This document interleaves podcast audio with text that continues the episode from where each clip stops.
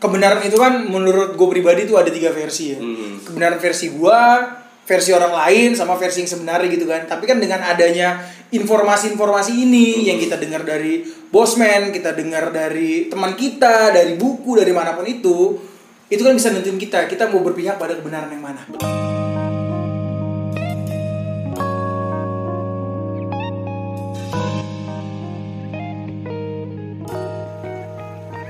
Oke, selamat malam guys. Balik lagi bersama kita di Kopi Konspirasi, obrolan warung kopi. Seruput dulu kopinya, men. Wah, gila. Mantap. Seru. Mantap. Ini ya. Gile. Seruputan lu jos banget. Ini kayaknya gara-gara abis nonton video Mardigu nih kayaknya, bos. Bang Bosman ya enggak. Luar biasa sih itu orang. Wah, luar biasa sih. Gue tadi abis nonton podcastnya Deddy Kobusier tuh sama Mardigu. Itu keren abis sih kalau anak-anak warung kopi kayak kita mah. Aduh. Mendukung lah. Iya bre, Keren, keren, keren. udah mendukung obrolan kita nggak nyampe sampai Enggak enggak bisa, enggak Aduh, bisa, enggak bisa nggak bisa lah ya, ilmunya doi Ilmunya doi. karena base dari buku-buku. buku dan pengalaman sih gue bilang ya, benar, benar. makanya dia bisa dapat segitu gede. Oke di podcast kali ini langsung aja nih guys, Hmm. jadi kita mau ngebahas konspirasi Wahyudi part 2 nih, Asli. karena yang part part 2. pertama kemarin kan itu hype ya jadi Hype. kita baru launching berapa hari ternyata kita udah dapat begitu banyak respon yang positif tuh dari Hmm. orang-orang minta untuk kita ngebahas part 2 nya nih bre Iya. jadi di part 2 ini mereka tuh pengen tahu gitu bre sejarah konspirasi Wahyudi ini Oke, jadi sejarahnya itu kan eh, nih gua rangkum dulu ya. Jadi Iya. ini gua sebentar dulu bre Oke. lu mau ngenyangga omongan gue nggak ter- terkait konspirasi Wahyudi Ah, gini bre, sebenarnya agak kalau menurut gua agak rasis ya. Jadi kalau misalnya kalau dibilang konspirasi Wahyudi agak kurang setuju gua. Agak rasis sih ya. Mm-mm. Kita berusaha netral aja di sini. Kita buat jadi Zionis aja ya, kayaknya lebih enak. Zionis ya Karena memang sebenarnya mereka mengarah ke ideologi itu. Em, Karena kan kalau kalau Wahy- Wahyudi ini kan menyangkut sebuah ras. Iya. Kalau Zionis ini kan ideologi. Ya, itu lebih tepat sih Nah. kalau gua rasa. itu di minggu lalu Mm-mm. lo nelpon gue tuh yang terkait itu lo Apa? bilang kalau kalau kita bilang ini Yahudi tuh terlalu mengeneralisir lah Iya, betul, betul. seakan-akan seluruh orang Hmm, Yahudi hmm, gitu kan hmm, hmm. nah gue tadi pagi pas gue Aha. nonton Mardigu Aha. Mardigu juga nyebut seperti itu bre Oke. jadi dia nyebut Ya. hal seperti yang lo bilang jadi dia Oh. bilang ini bukan mengeneralisir Yahudi ya, Iya, iya. tapi dia bilang sorry nih seinget gue ya dia Hmm, bilang hmm, hmm. Yahudi Ortodoks Nah, jadi ini gue berusaha meluruskan ya. Jadi kalau misalnya kalau kita bilang ras bangsa Yahudi kayaknya agak mengeneralisir lah gitu. Karena menurut yang gue tahu, jadi eh, kan Judaisme ini, Yahudi ini kan kepercayaan juga. Oke. Banyak mereka itu juga menolak ten- eh, adanya paham ide- ideologi Zionisme ini gitu. oke Jadi banyak rabi-rabi di Yahudi sana tuh ahli-ahli agama Yahudi, mereka juga nggak setuju Ren. mereka juga nolak ya Menolak. Nah itu tadi sih yang diterangin sama si Bosman di YouTube-nya, di podcastnya Deddy Kobusier ya. Hmm, hmm, hmm. Jadi dia bilang, ya kalau Israelnya sendiri, Aha. ya itu orang baik-baik. Betul. Dia bilang, tapi ada segelintir orang yang which is si Bosman bilang sih, mereka katanya tinggalnya sih di Amerika juga sih. Hmm. Orang Yahudi ini yang segelintir Oh, orang Yahudi ini iya, iya. tinggalnya di Amerika juga. Ada ada runut-runutan di situ juga. ya sih, bisa.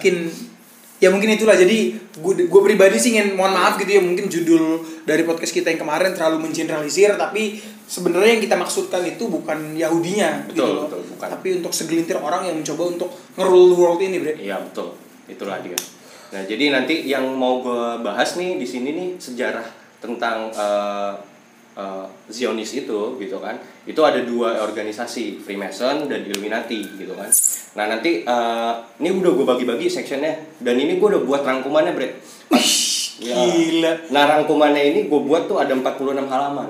anjing anjing men tuh lu gila lu tukang ngopi tukang ngopi lu bisa ngerangkum segitu banyak halaman bre Enggak, enggak, lu kenapa nggak ngerilis buku aja Eh, nggak ada yang baca ada gue rasa nggak ada yang beli yang juga baca. ini. Ini kita ngobrol gini juga untung-untungan ya ada yang mau denger. Iya makanya itu dia. Ya tapi intinya Hmm. sekalipun kita cuma obrolan orang kopi kita berharap adalah sedikit bisa ngebantu lu membuka kebenaran lah. ya jadi maksudnya gini kebenaran itu kan menurut gue pribadi tuh ada tiga versi ya. Hmm. Kebenaran versi gua, versi orang lain sama versi yang sebenarnya gitu kan. Tapi kan dengan adanya informasi-informasi ini yang kita dengar dari bosman, kita dengar dari teman kita, dari buku, dari mana pun itu, itu kan bisa nentuin kita. Kita mau berpihak pada kebenaran yang mana. Betul. Anjing. betul. Cakep Setuju ngomongan sih. lu. Cakep banget. Wis, Nah, lagi.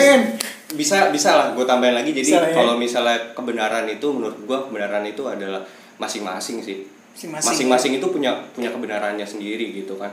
Ya gue juga nggak bilang bahwa apa yang nanti kita ungkapkan ini adalah kebenaran tapi paling enggak itu sedikit bisa membuat lo menemukan kebenaran itu sendiri versi lo kan gitu eh enggak coy Bro, lo follow langsung bro. tai. Fix.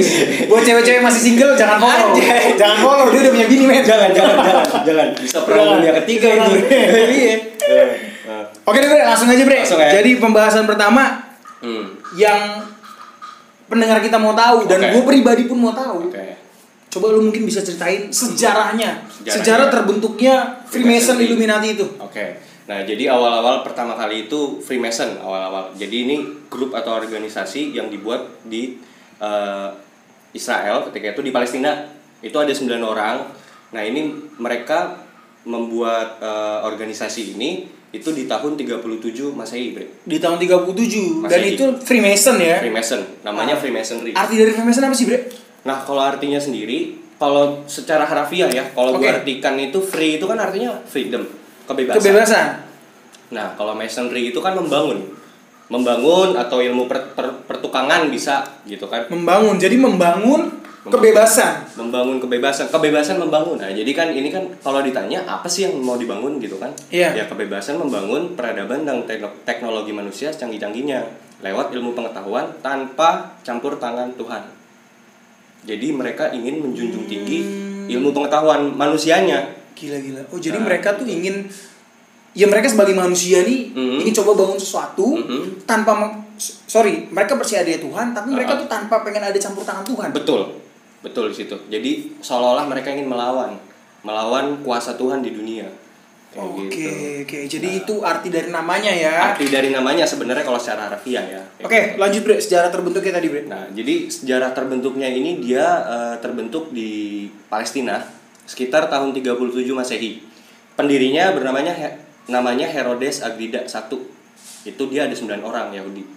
Sembilan orang Yahudi berkumpul orang. dengan dipimpin oleh Herodes, Agrida I. Herodes Agrida I untuk membentuk gerakan Freemason ini. Betul. Nah, nah, akhirnya mereka ini terbentuklah eh, di 37 Masehi ini. Oke. Nah, cuman setelah itu perkembangan dan sejarahnya selanjutnya itu nggak pernah sama sekali gue temukan Bre. di source di mana pun ya di internet gitu gue cari nggak ada kayak gitu. Sorry, maksudnya Ah. di tahun 37 kebentuk, Aha, terus tiba-tiba hilang aja. Hilang dibawalah sampai ke eh, zaman masa perang perang salib Perang salib itu sekitar tahun seribuan bukan? seribu seribuan 1119 Berarti ada masa kurang lebih sekitar 900 ya 900 tahunan lah ya, 900 tahun lebih hampir 1000 ya. Ya, itu- peradaban yang kosong. Bisa dibilang kayak gitu. Maksud gua kosong di sini tuh bukan nggak ada kehidupan, tapi mungkin nggak ada kehidupan. hilang sejarahnya. hilang sejarah tentang Freemasonry ini sendiri gitu nggak ada gitu. Lu cari sama sekali nggak ada ada. coy nggak ada beneran nggak ada. Asli nih, lu bukan lu malas nggak mau nyari. bukan bukan Oh, nggak enggak, emang nggak ada ya. Nggak coy. Ah, emang nggak ada. Lu bisa mungkin mungkin yang yang punya uh, internet di rumah bisa nyari sendiri bisa bantuin gua gitu kali.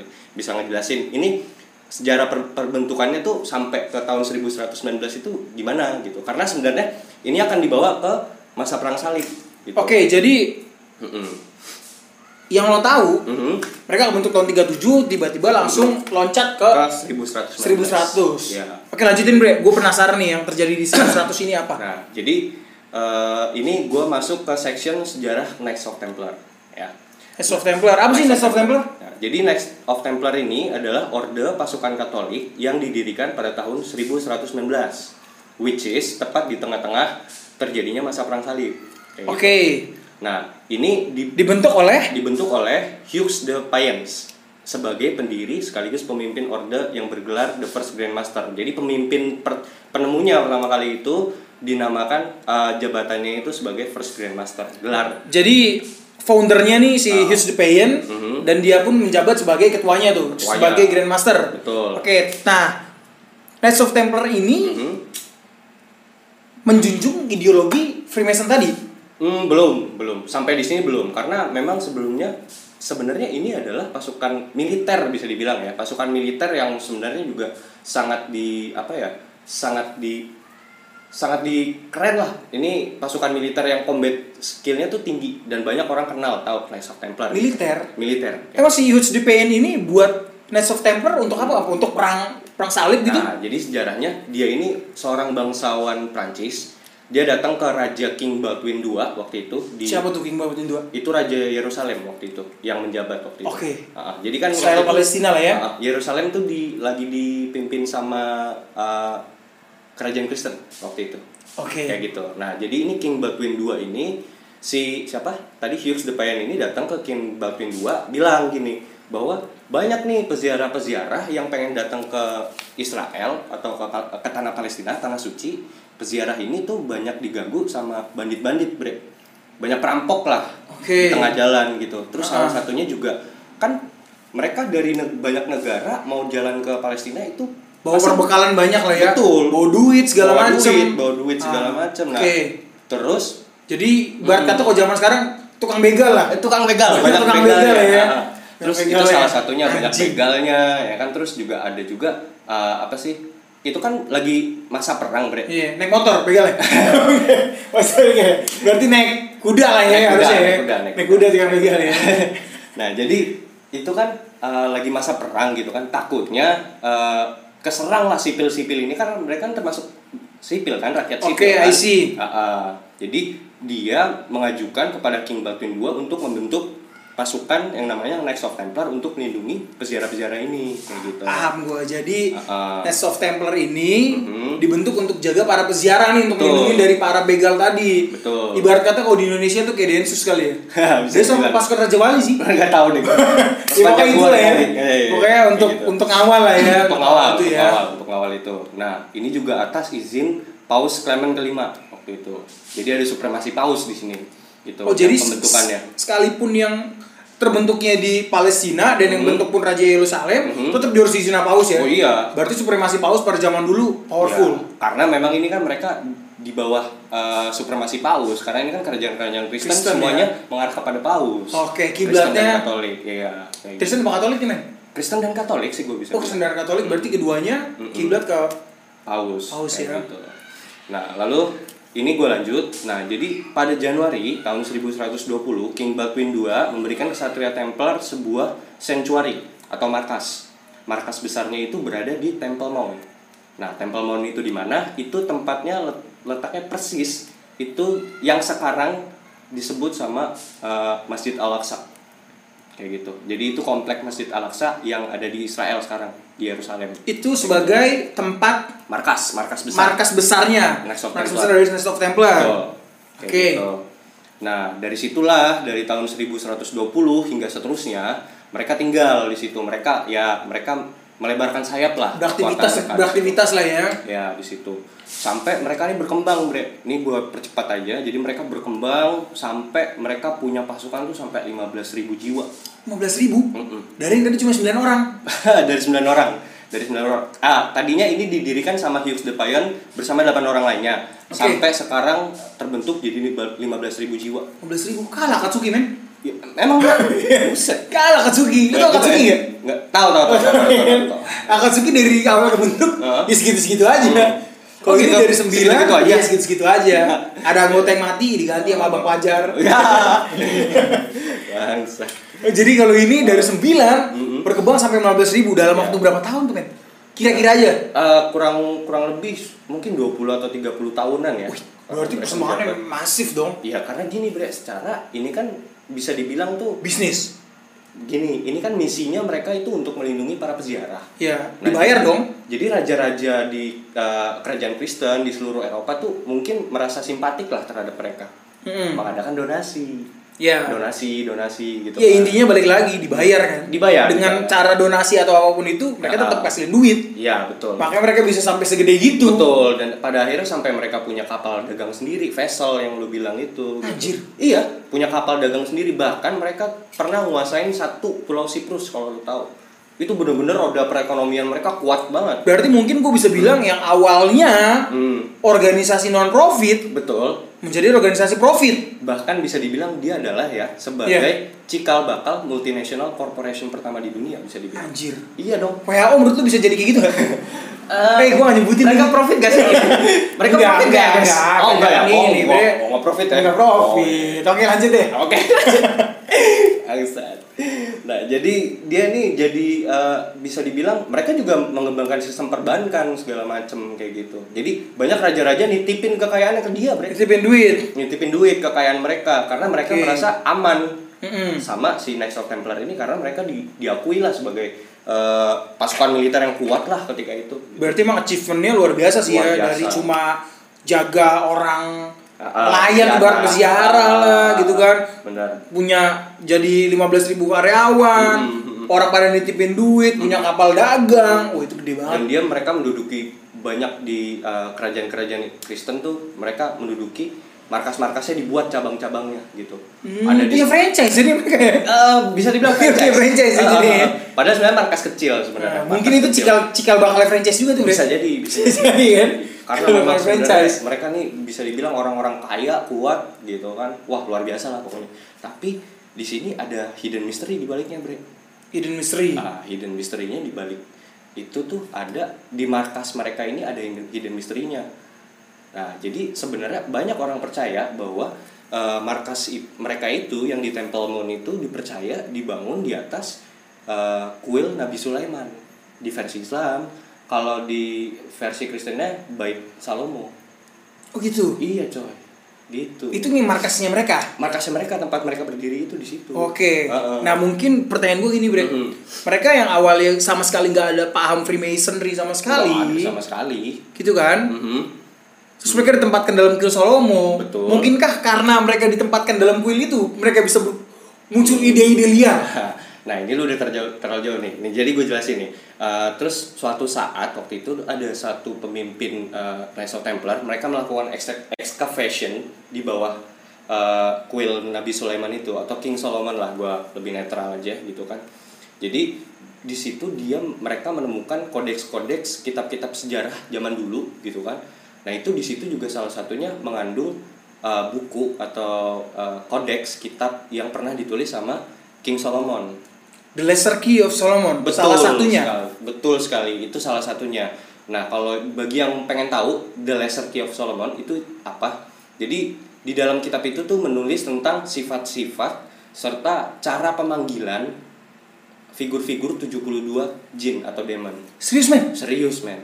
Gue sih pernah lihat buku itu. Buku itu emang kalau di komunitas, lo masuk komunitas horor, Mhm. buku itu dibahas. Ya karena secara itu memang dipakai untuk penyembahan satanik, Bre. Iya. Dan di Tokopedia, Shopee segala macam Ada yang jual. banyak yang jual. Kocak ya. gue sih sempet pengen beli gitu kan, Ah. tapi gue mikir ah Ah. hoax kali ini apaan sih ini buku ah. gitu kan.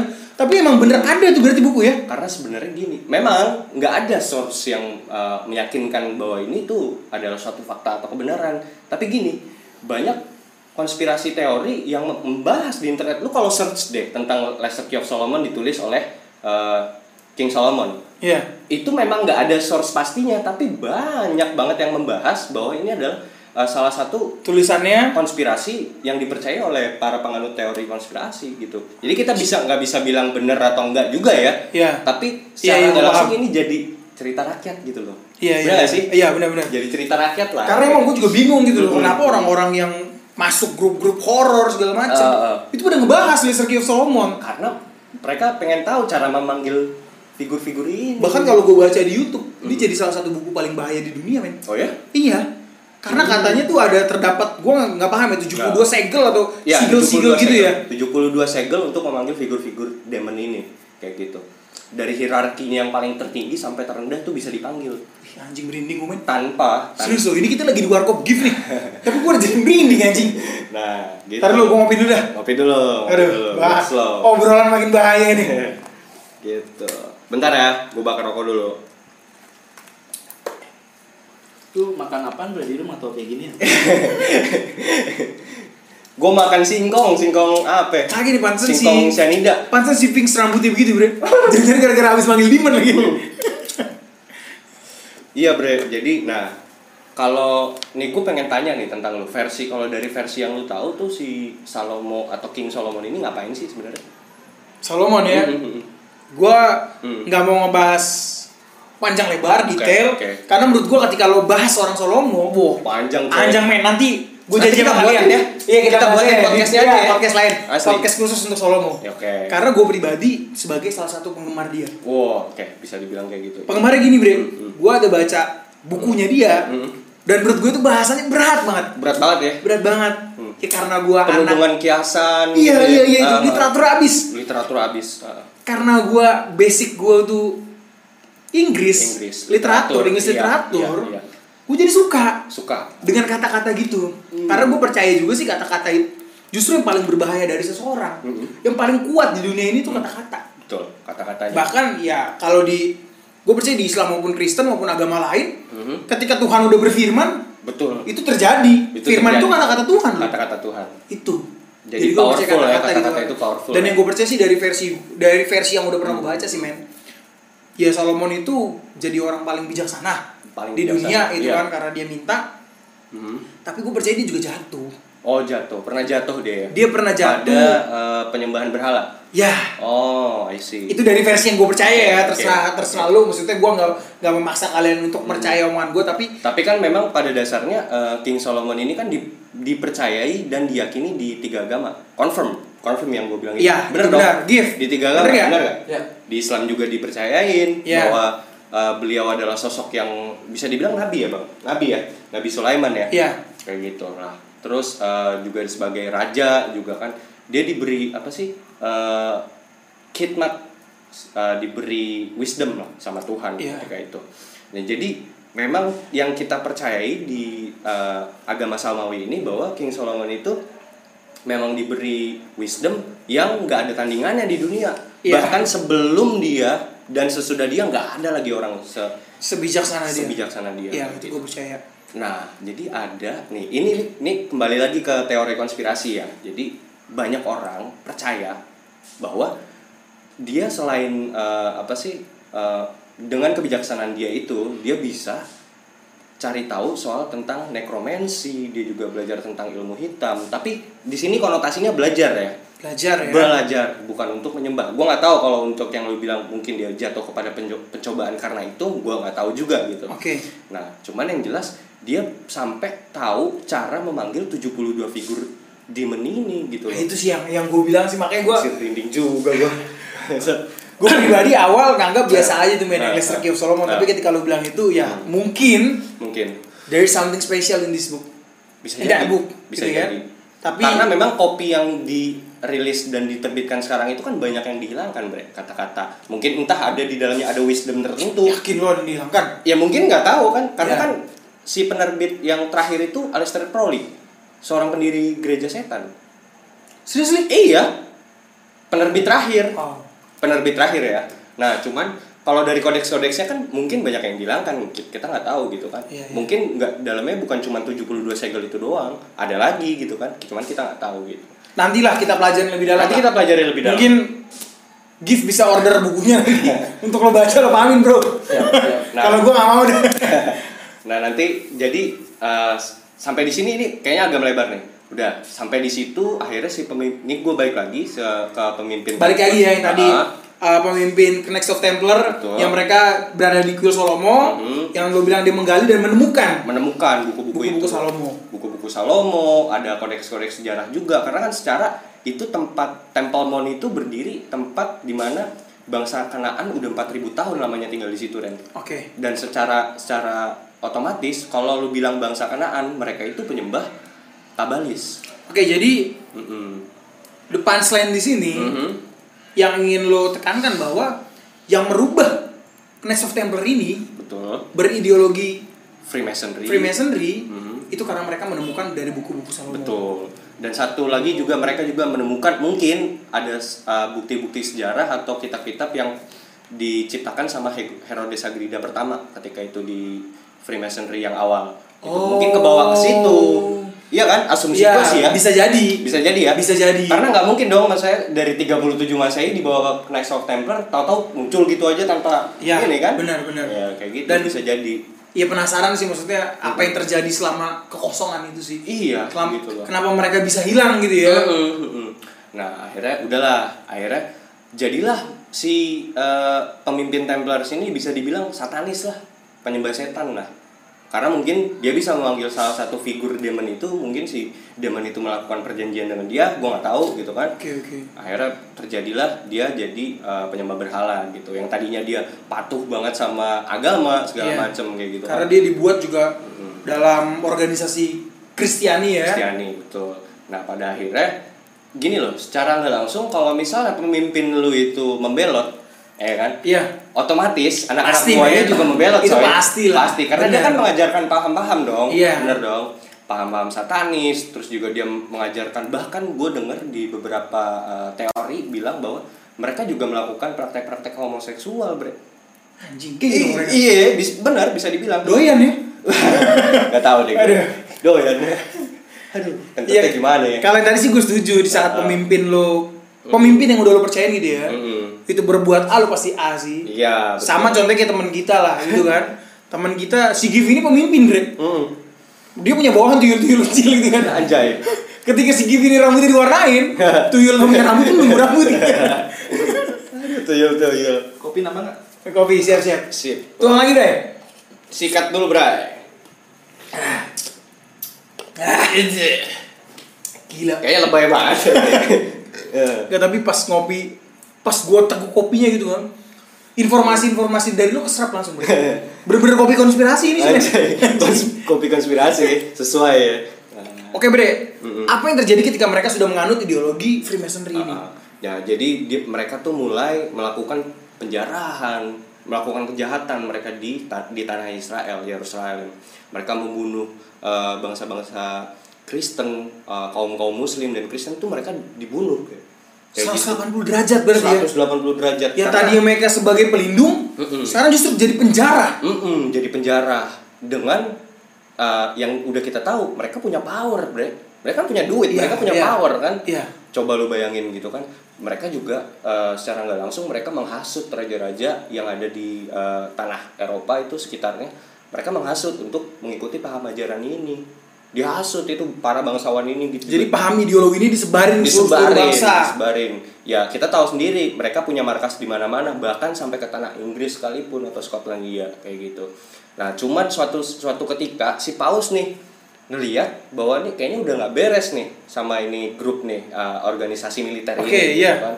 Jadi pada akhirnya si pada tahun yang sama, eh, sorry, pada tahun di 1307, nah itu si eh, Paus Clement kelima itu melakukan mengeluarkan ultimatum lah, memerintahkan seluruh kerajaan Kristen itu di eh, sekitaran Eropa untuk menangkap eh, para Knights of Templar ini gitu dan disita eh, seluruh harta bendanya gitu. Oke, akhirnya Paus nih sadar lah ya Sadar. perbuatan-perbuatan buruk mereka dan ingin mengajarnya dengan hukuman. Iya.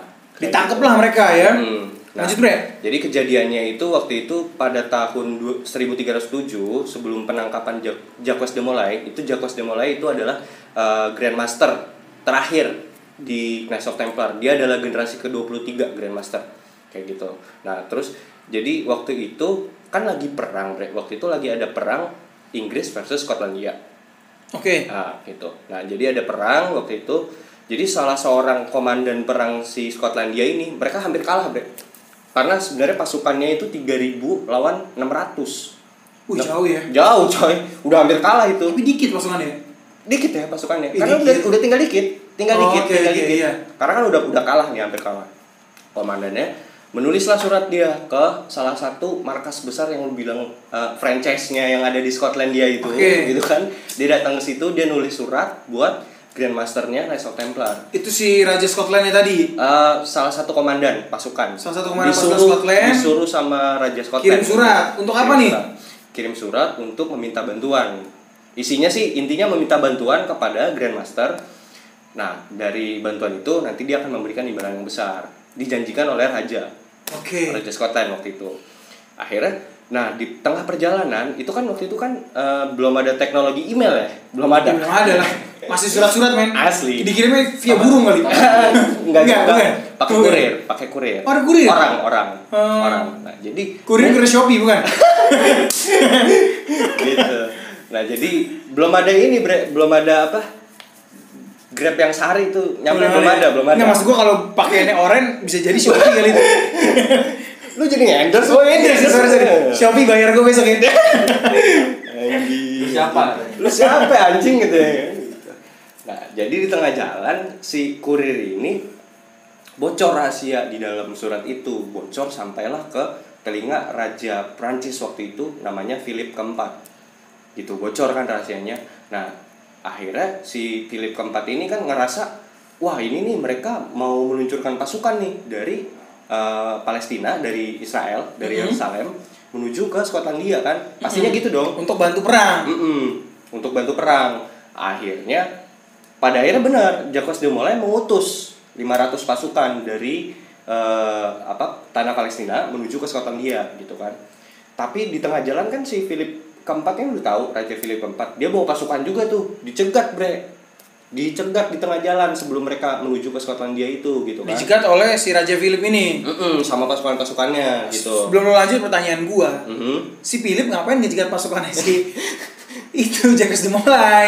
Mau nangkep bre Ya, buat karena apa kan dia nggak perang sama Prancis men? Ya enggak juga, cuman kan ini kan si itu kan atas uh, ultimatum dari paus ke ke, ke paus Clement kelima. Oh, Oke, jadi si si Philip ini anak buahnya paus juga lah ibarat kata ya. Ya kan Satu secara- kongsi lah mungkin ya. Iya secara nggak langsung itu kan kerajaan Kristen bre, Prancis, Prancis itu. itu ya. Iya. Oke, jadi, Jadi- dia melihat ada pergerakan, Ah, luncurkan juga pasukan. diluncurkan juga pasukan sama dia gitu kan. Nah pada tahun ke uh, 1307 ini ditangkaplah para pasukan Templar ini yang 500 pasukan itu gitu kan. Nah di, dituduhlah mereka nih atas uh, penyembahan berhala, tuduhan ajaran sesat dan lain-lain ya, sihir segala macam gitu kan. Nah kemudian di pada tahun ke 1312 Paus Clement kelima secara resmi membubarkan Ordo Knights of Templar ini dan melarang dengan keras berbagai macam aksi yang mencoba untuk membangkitkan kembali doktrin ajaran sesat ini gitu. Nah, dua tahun kemudian di tanggal 13 di tanggal 13 oh, jadi gue perlu eh, tekankan juga mereka ditangkap tuh di tanggal 13 juga. Oke. Heeh. dan pada tanggal 13 7 tahun kemudian Mm-mm. setelah penangkapan itu itu pada bulan Maret tahun 1314 setelah dilakukan berbagai penangkapan ini terjadi hukuman eksekusi dengan cara pembakaran hidup-hidup di eh, di luar halaman gereja katedral Notre Dame Paris itu ada kejadian faktanya bisa lu cari tahu sendiri Jadi mereka dihukum mati di sana dengan cara Betul. dibakar. dibakar hidup-hidup sama Paus Clement kelima ini gitu Serem amat ini Serem ya?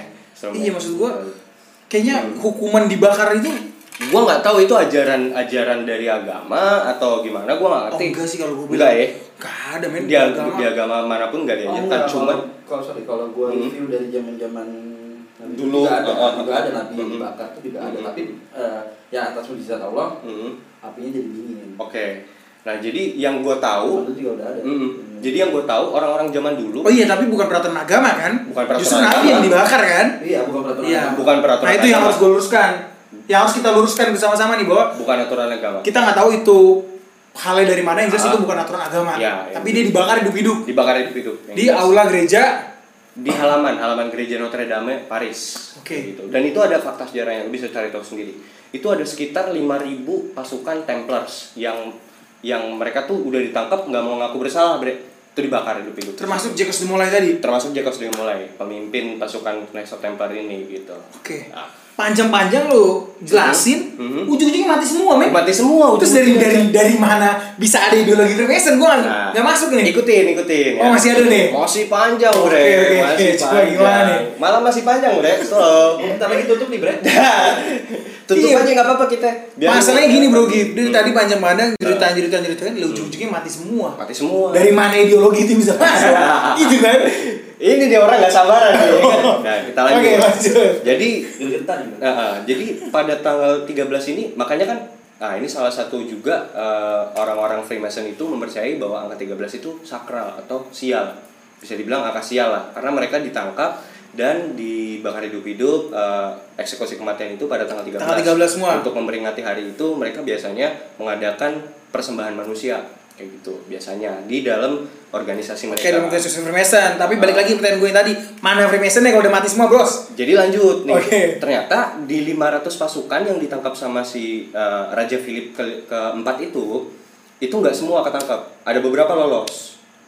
Oh, jadi Gitu. beberapa orang itu ada beberapa kabur. lolos, kabur kabur dan dia itu jumlahnya ada 9 orang jumlahnya ada 9 orang 9 orang. 9 orang Angka 9 keramat juga, men. nggak ngerti juga gue Gue masih inget nih dari cerita Ah, awal, ah. bentuk 9. Eh, Itu ah, yang tahun 30-an. ah, ah, Terus tahun 1100-an bentuk lagi 9. 9 Sekarang sisa lagi 9 orang. lu cocok logi kali lu Konspirasi ini, men. Konspirasi bangsat ini bener-bener nih. jadi Sekarang jam berapa sih? Jam 9 kok? Jam 9 lagi. eh, belum jam 8 Lo kok jam 9 juga? Ini nih, Gawat juga nih. gawat gawat Ntar dulu gue bakar dulu Kimak Lu bakar rokok udah berapa? 9? Udah 9 lagi lu. Nah jadi 9 orang ini dipercayai mereka itu Sebentar gue hitung dulu rokoknya. 2, 3, 4, 5, 6, 7, 8, 9, 10 men. Lu jangan ngata-ngata lo kampret cok lo. Ini semuanya anjing Ayo lanjut Sen, lanjut. Nah, jadi ini kan 9 orang. Nah, dipercaya 9 orang ini bisa dikatakan eh, anak-anak buahnya Jacques de Molay yang terbaik lah. Terbaik di strategi perang mereka gitu kan. Kabur lah mereka ya kan. Eh, kaburnya ke mana ya ke Skotlandia tempat asal mereka mau diutus itu gitu. Jadi walaupun mereka dikejar juga mereka tetap menjunjung tinggi tugas-tugas mereka, misi mereka gitu. kan Oke. datanglah mereka ke Skotlandia gitu kan. Nah di Skotlandia ada raja Skotlandia waktu itu namanya Robert the Bruce itu kaget coy ngelihat bala bantuan kok yang datang cuma 9 gitu kan. Nah terus kesatria Templar terbaik ini berusaha untuk meyakinkan dan membujuk raja Skotlandia untuk tetap menggunakan kekuatan mereka dalam mengatur serangan dan taktik di medan tempur kayak gitu. Nah mungkin si si Bruce uh, Robert the Bruce ini udah bingung ya kan ah bingung udah udah pengen mati ya kan pasukan tinggal berapa ya kan udahlah ya udahlah lu gue terjunin lah gitu kan mungkin ya Eh, sekalipun sih pasti kecewa lah. kecewa Lu kecewa. minta bantuan 500, datang 9 bro. Datang 9 Gila, orang. kalau gue jadi raja, gue eksekusi itu 99 itu. Nah, cuman nah cuman raja Robert the Bruce juga mungkin ah ya udahlah udah udah udah kepalang tanggung udah Akhirnya tetap dipakai udah tuh pengen ya jasa kalah. mereka ya? dipakai juga dengan janji dia ngejanjiin 9 orang ini kalau lu bisa menangin gua perang lawan uh, Inggris Skotlandia versus Inggris dan Skotlandia bisa menang lu gue janjiin gelar bangsawan dan lu boleh tinggal di sini Sorry. Gitu. Lu tau gak sih nih perangnya si Inggris sama Scotland ini ngapain? Apakah mau perebutkan wilayah atau apa ya? Eh, kemerdekaan Skotlandia Oh kemerdekaan. Jadi kalau lu pengen tahu sejarah uh, perang yang ini, itu nama perangnya itu The Battle of Loudon Hill. Coba lu cari tahu. The Itu Battle ada of Loudon Hill. Loudon Hill, ya. Low downhill. Mm-mm. Oke, jadi Low di downhill. situ Scotland ini sebenarnya pengen coba merdeka. Betul, dari Inggris waktu itu. Oke, I got it bro. Nah, nah, kan kita tahu. Jadi kalau gua sekali lagi gua ngambil uh, apa referensi dari Wikipedia. Jadi kalau di Wikipedia itu jelas Inggris tuh 3000 pasukannya lawan 600. Dan pada akhirnya apa? Gua nggak tahu dengan 9 orang ini kekuatan taktiknya bagus atau gimana gue juga nggak ngerti tapi menang bre 600 pasukan Skotlandia ini bisa menang melawan Inggris 3000 Tahun 3000 asli coy itu jumlahnya hampir 4 kali lipat. Bro. asli empat kali Eh sorry, lipat. bukan hampir 4 kali lipat, Hmm. hampir 5 kali lipat. hampir lima kali lipat bayangkan dan itu sejarah dan itu benar ada kayak gitu Skotlandia menang melawan Inggris waktu itu Sorry gue ralat, bukan hampir 5 kali lipat. Emang 5 kali lipat Emang anjing. lima kali lipat ya? 600 kali 5 3000 men. iya luar biasa 600 kali 5 3000 men. makanya gue juga nggak tahu kenapa apakah memang karena si 9 Knights of Templar ini gue juga nggak tahu gitu kan Iya, ibarat kata satu orang hmm. lu fight lawan 5. lawan berapa ya kan Kayak Iya, gitu. satu lawan 5 lu. makanya makanya yang yang datang ke tempur ini 9 orang ahli taktik perang gitu Strateginya ya. strateginya sebenarnya bukan masalah manpower sih tapi masalah otak bre Iya. Iya Mungkin cara perangnya itu bukan yang langsung frontal No, bukan. Karena kalau frontal gue bayangin sih kalah. maybe maybe bayangan gue ketika ada beberapa pasukan Inggris Ya, datang sergap. di, di enggak dijatuhin batu-batu dari atas bisa jadi Ya, bisa ya kan jadi. itu strategi-strategi perang mereka gue nggak tahu gitu kan nah dan itu sejarah benar ada di Battle of Loudon Hill kayak gitu nah akhirnya eh, karena si Robert the Bruce juga udah janji kan sama mereka 99 orang ini akhirnya ya udah mereka pulang dari perang ditabiskanlah mereka menjadi eh, salah satu keluarga bangsawan di Scotland Skotlandia itu. Dan mereka sembilan orang ini mungkin udah ngerasa gue mau kabur ke mana lagi? Gue kan lagi dicari paus gini kan. Hmm, dia minta minta minta disembunyiin lah di situ. Jadi pada saat itu mereka menang perang, Mhm. Mereka diakuin lah sebagai rakyat Scotland dan dikasih gelar bangsawan, bangsawan. kayak gitu nah itu Oke. cikal bakal pendiri Freemason turun temurun paham itu dibawa sampai ke eh, apa sih anak cucu mereka. Nah, anak cucu mereka inilah yang membawa paham-paham dari sembilan Knights of Templar ini. Kayak Oh, gitu. oke, oke, Di bro. tanah Skotlandia, gitu, Bro. Oh Gitu, jadi coy. cikal bakal Freemason ini ya Mhm. Sembilan orang ini Oke bre. Hmm. Ini cerita menarik nih men. Ah. Menarik banget. Ah. Karena akhirnya gue paham gitu Ah, loh. ah. Cikal bakal Freemason ini dari Knights of Templar eh, Sorry Yang awal dari tahun 37 Dan itu lo gak dapat informasi sama sekali.